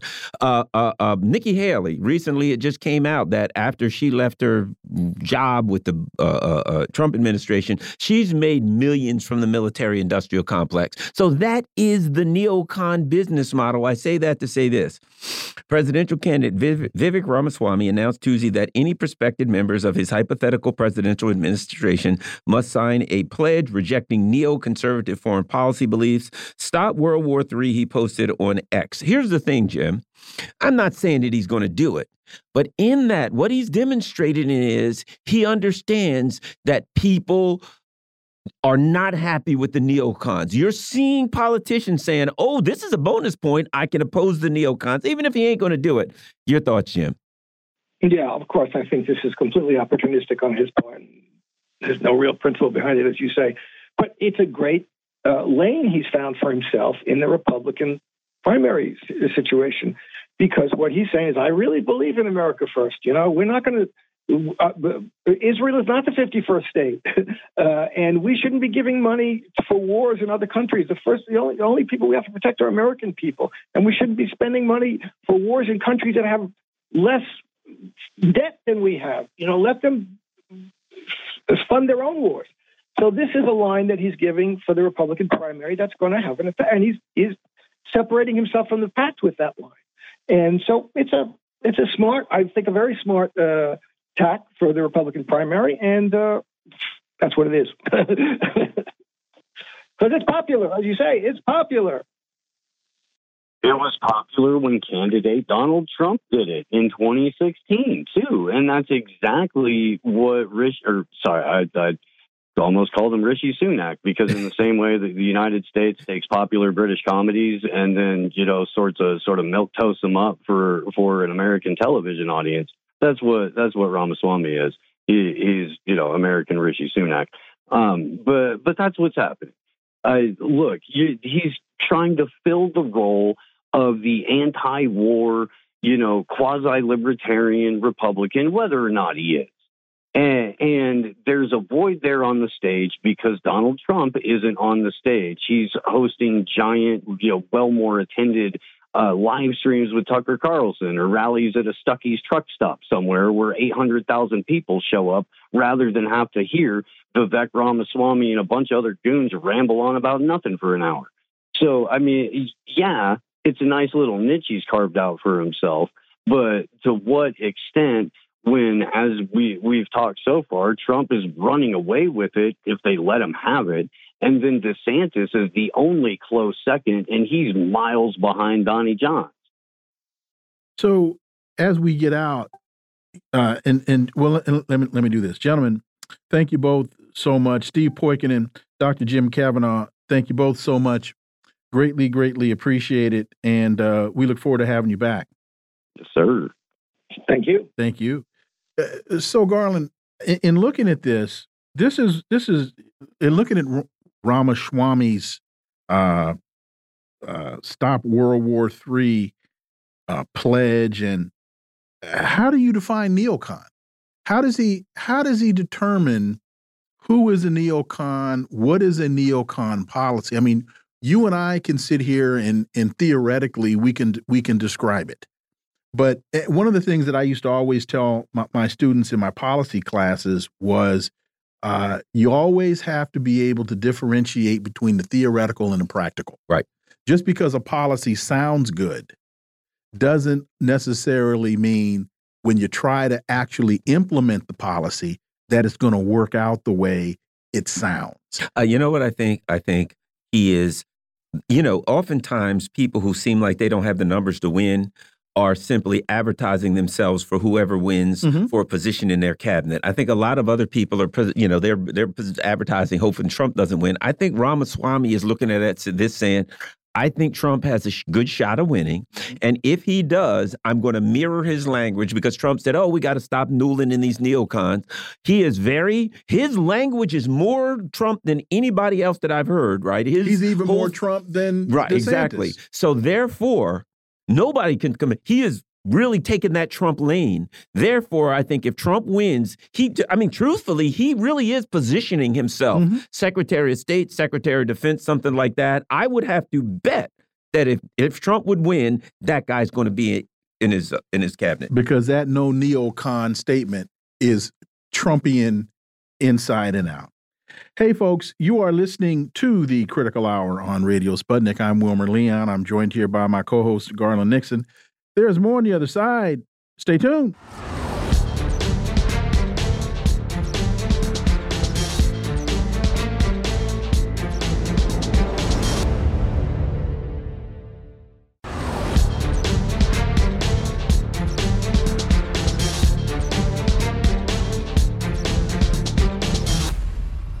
We are back, and you're listening to the Critical Hour on Radio Sputnik. I think I'm Wilmer Leon, joined here by my co-host Garland Nixon. Thank you, Wilmer. Uh, Popular Resistance promoted fighting colonial oppression and genocide from the United States to Palestine. On the 4th of November, people from across the country gathered in D.C. for the 15th annual march to the White House organized by the Black is Back Coalition. For insight into this, let's turn to our second panel. It is Friday, that means it's panel time. We're joined by the co editor of Popular Resistance, Dr. Margaret Flowers. We're also joined by the chair of the Coordinating Committee for Black Alliance for Peace, editor and contributing columnist for Black Agenda Report, and the Green Party candidate for Vice President of the United States in 2016, Ajamu Baraka. As always, welcome back. Thank you. Great to be with you, Wilmer and Garland, and with you too, Ajamu. The uh, the theme of the march building an anti colonial free speech movement in solidarity with peoples who struggle around the world, Chairman Omali Yeshitela spoke on the Popular Resistance uh, radio program, and uh, along with uh, attorney Marjorie Cohn, former president of the National Lawyers Guild, and she spoke about a new legal brief on the complicity of the U.S. with Israel in its commission of genocide and other war crimes. Uh, Dr. Margaret Flowers, if you would, since you are at uh, Popular Resistance, uh, speak to how important uh, this is, and what are the what are the major points that are being made here. Right. Yeah. Thank you. I, I think it's really important for people in the United States to understand that there's been a long uh, connection and relationship between the Black Liberation Movement in the United States, and, and that in Palestine because you know they share many similarities and you know just understanding that the United States is a nation or state that was founded upon a colonization of a land and a genocide against the people who lived there the US really laid the blueprint for the uh, colonization that we see in, in that regard uh, not just displacing people but replacing them targeting their uh, access to food and water and, and housing and uh, healthcare. We see this play out in, in Gaza and in the West Bank um, right now in, in Palestine. And so the, the march in, uh, in Washington, D.C. on November 4th was really making these connections between the struggles in the United States and Palestine, as well as the role that the United States plays in the world in oppressing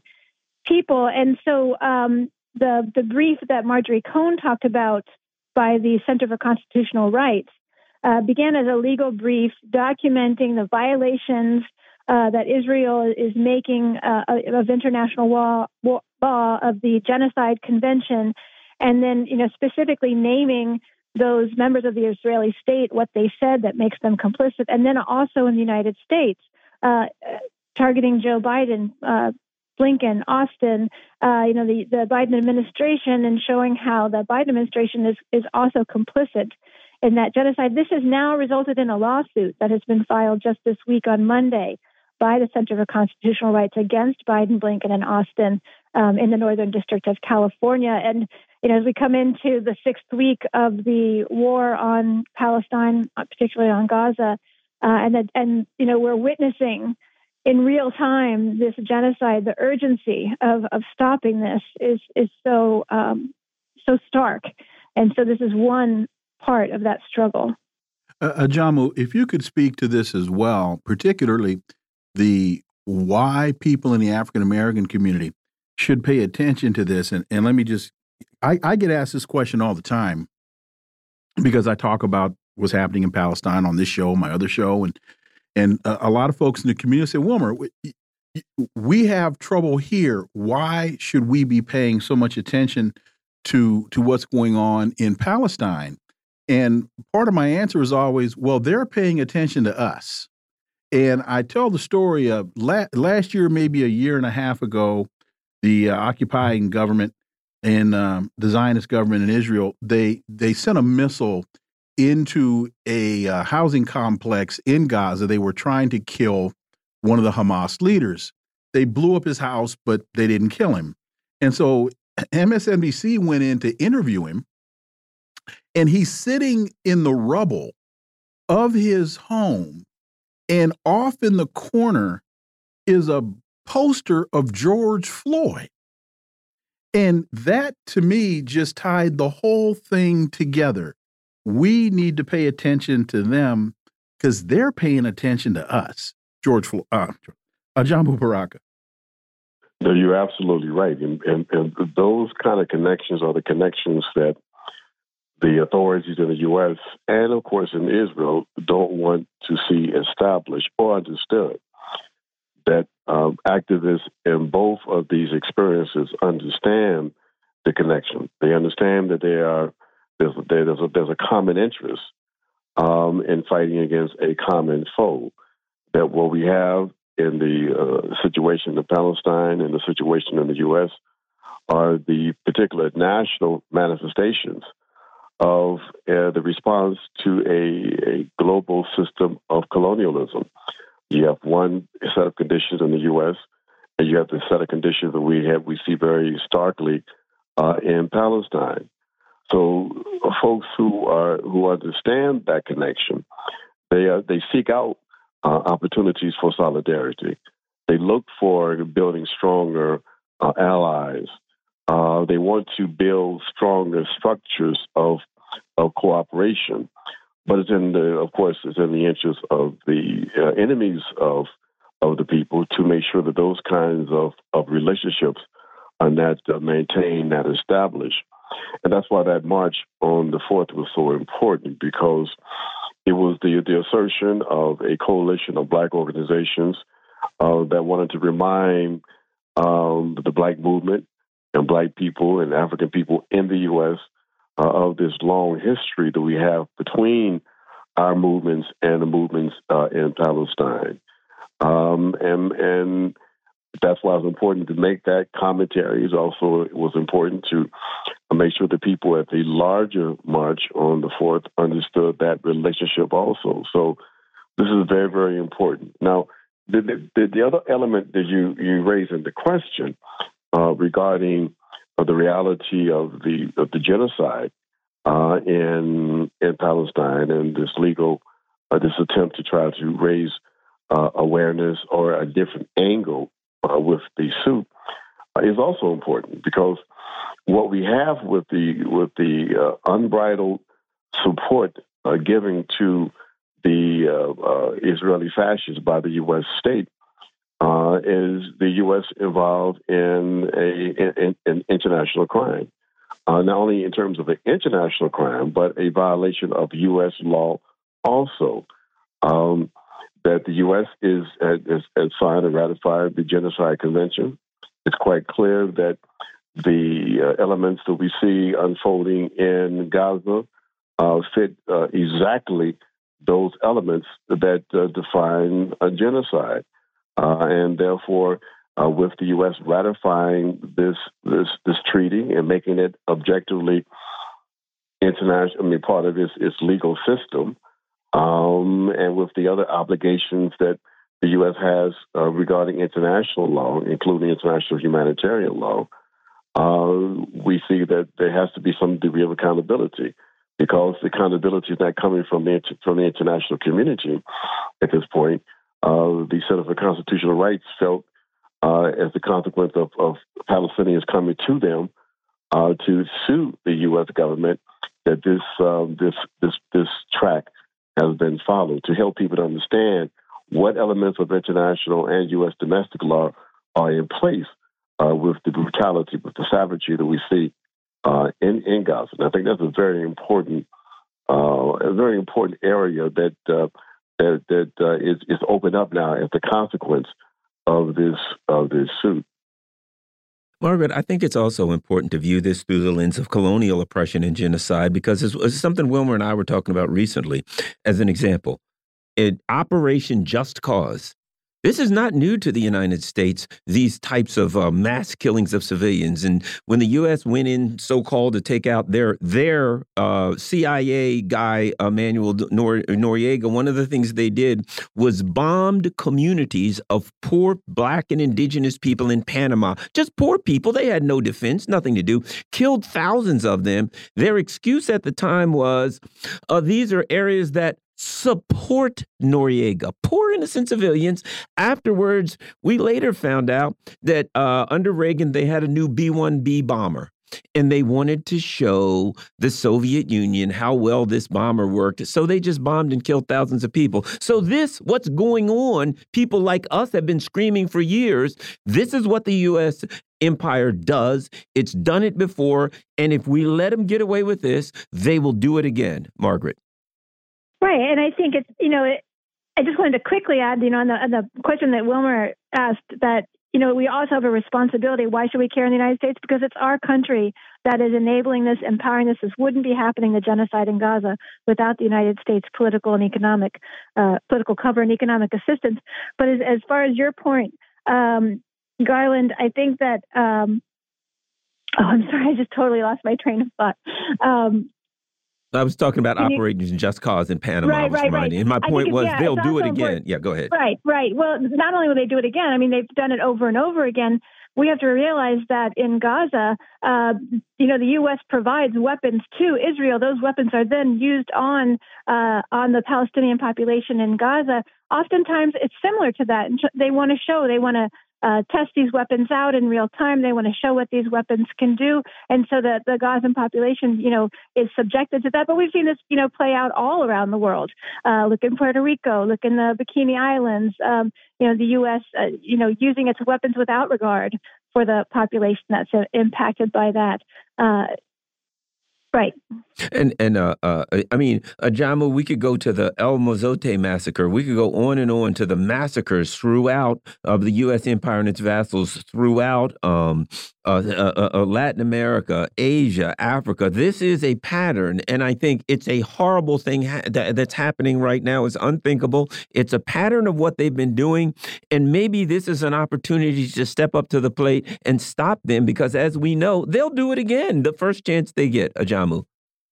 Well, I think that what's being exposed um, is that, in fact, there is that pattern that exists. But also, what's being exposed too is that the U.S. and Israel and other powerful Western nations uh, have no hesitation in operating beyond the scope of international law, uh, beyond, and, and, so they operate as basically rogue states. And it, it's it's important that people understand that, so that while we will appeal to international law, we have to understand that it's quite clear that these states uh, have no regard for it. Uh, their only their only their only interest is to pursue their objective interest, uh, and they disregard uh, international opinion.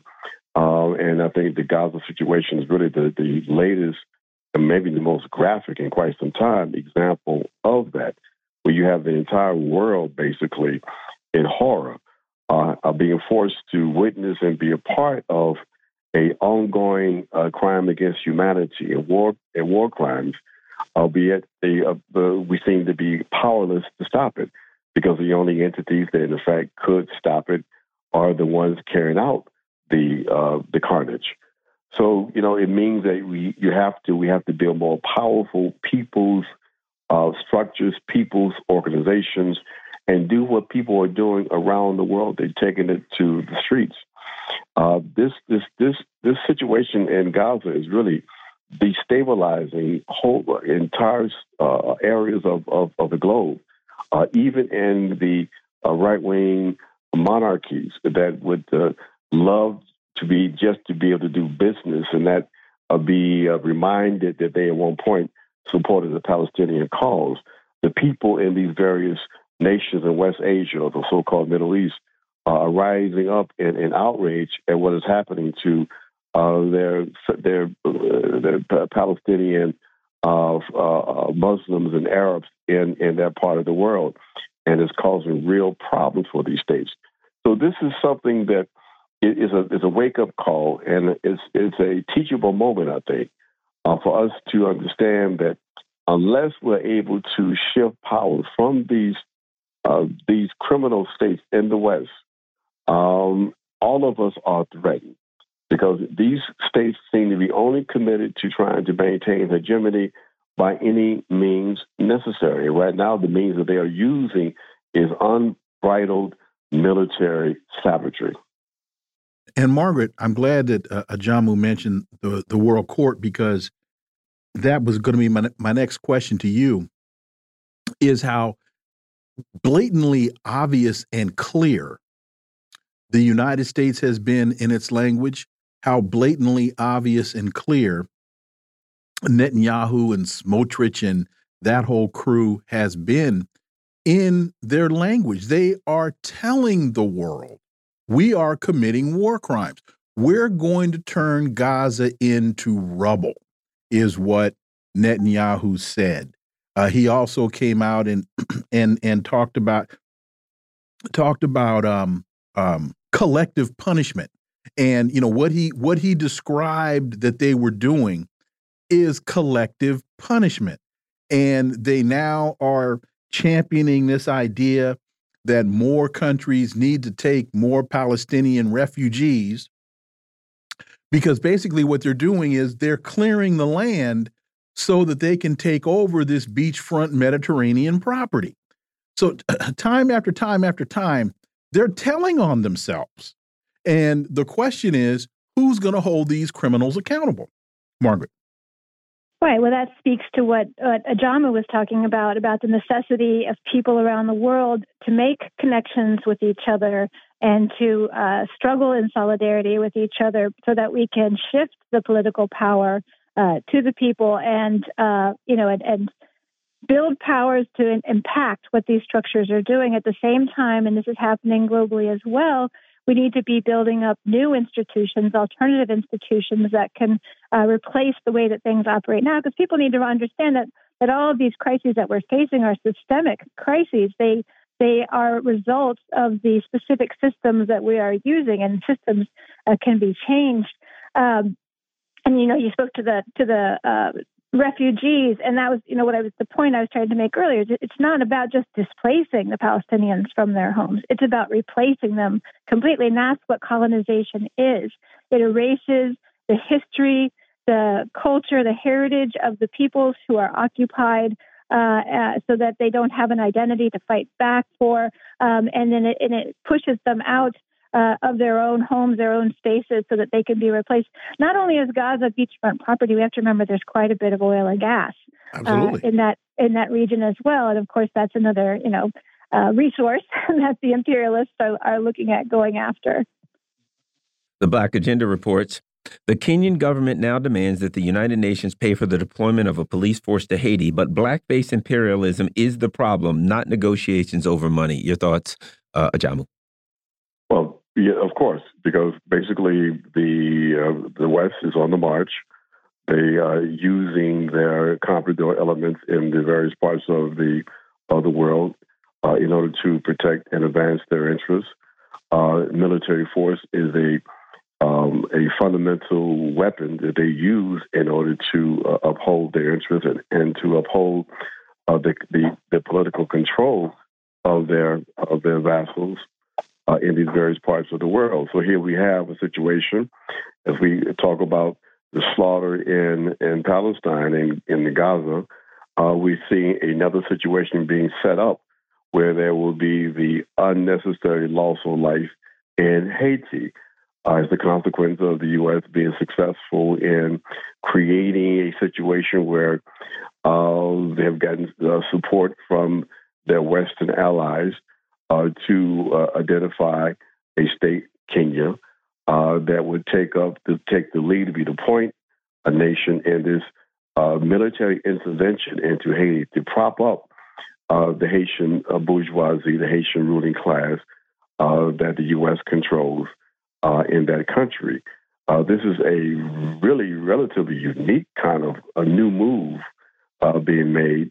We, we, remember during the former colonial period where, you know, they would uh, uh, train and, and move uh, various ethnic groups around the world in in service of, of colonialism.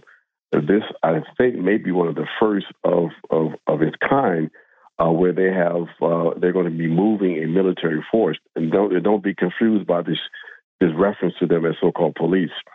Uh, it, where they're going to move a military force from one state to another in this kind of way uh, to, intervene directly into Haiti. Now, they're, they're, the Kenyans are, are, the, are the lead force, but there are a number of other nations have allowed that have allowed themselves to be a part of this uh, uh, racist intervention into Haiti. Ecuador, Chile, um, and and Barbados and Jamaica. I mean, this is a, a multinational force now, but headed up primarily by uh, by the Kenyans. This is ridiculous. It is obscene.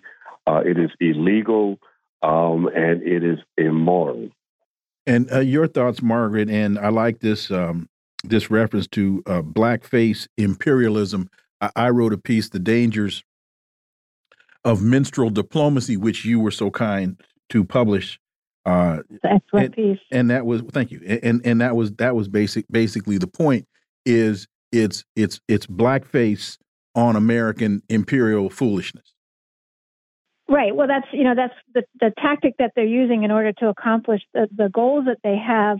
Um, you know, when I think of what's happening in in Haiti, and you can definitely see connections to other struggles around the world. Certainly, the fact that you know Haiti uh, has been punished because it dared to overthrow you know the French colonizers, one of the first you know nations in that in that region to to achieve that independence. And so since then, it has been uh, targeted for that example, and, and, of course, it worked with uh, other countries in that region that were that were establishing independence as well people have to recognize that in Haiti there is no democracy there. There, there is basically, um, you know, uh, a leader who is only in place because of the actions of the United States and the Western imperialists to install him there.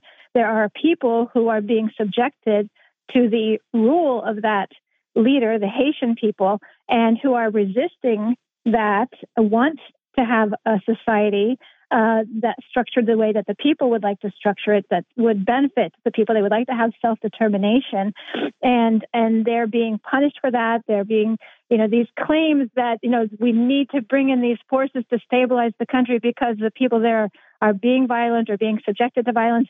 It's just, you know, it's it smacks of of a lack of respect for the sovereignty, the self determination, the uh, the the work that the Haitian people are doing to liberate themselves from this oppression, and we've we've got to make sure that we don't fall into that trap of thinking in that way. We have to see this as the Haitian people waging a liberation struggle, and the United States, through whatever tools it can use, the United Nations, the Kenyans, uh, to establish, continue to to dominate uh, that country.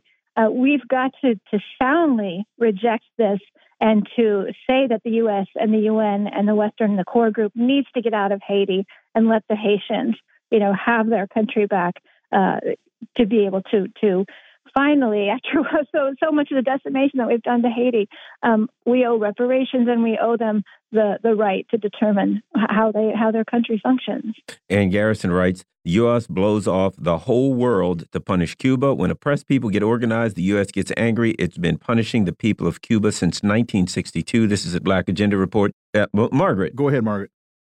Sure. So the um, the situation in, in, in Cuba, you know, as people know, it's a complete blockade uh, economic blockade that not only impacts, um, uh, you know, what Cuba does what's between the United States, but because the United States and the way that the global economy is structured, um, the sanctions on Cuba really limit its ability to do things. Uh, to do, you know, trade with countries all around the world because there's these ridiculous rules in place that if you know some of the products that they want or need to import for their country have any components, certain per, you know percentage of components from U.S. corporations, they can't uh, they can't buy those parts. It's having a profound impact on Cuba, and I think uh, what we see with the vote on no- November second in the United Nations, with the United States and Israeli, uh, you know, Israel voting against lifting the blockade on Cuba, but yet the rest of the world understands what's going on and supports lifting that blockade. It just continues to show in a very stark manner um, you know, who are the aggressors in the world? Who are the ones that we, you know, really need to be uh, targeting and addressing? And, and, and it's the United States. And Dr. Dr. Margaret Flowers, as always, thank you so much for your time. Greatly, greatly appreciate it. We look forward to having you back. Thank you. Thanks to uh, Jamu Baraka as well. You know, Garland, I'm I'm glad that we got into briefly a discussion about the displacement of Palestinians because people need to understand that there are different types of colonialism. Mm -hmm. And what is happening right now in Gaza is settler colonialism. You move the people, you move the indigenous people out of their established homeland and you replace them with your own. There are different types of colonialism and what we're seeing play itself out in occupied Palestine is settler colonialism. We got about 30 seconds. Yeah, well, and I think it's also important we were able to connect it. You know, we were able to talk to about Haiti, South America, Cuba, et cetera. We were able to connect it to an a policy of imperialism, a policy of you know an international policy of mistreating people and stealing their resources because that's what it comes down to Folks, you've been listening to the Critical Hour here on Radio Sputnik. Thank you for allowing our voices into your space on behalf of myself and my co host, Garland Nixon. We hope you were informed and enlightened, and we look forward to talking with you all right here next week on Radio Sputnik. Be safe. Peace and blessings. We're out.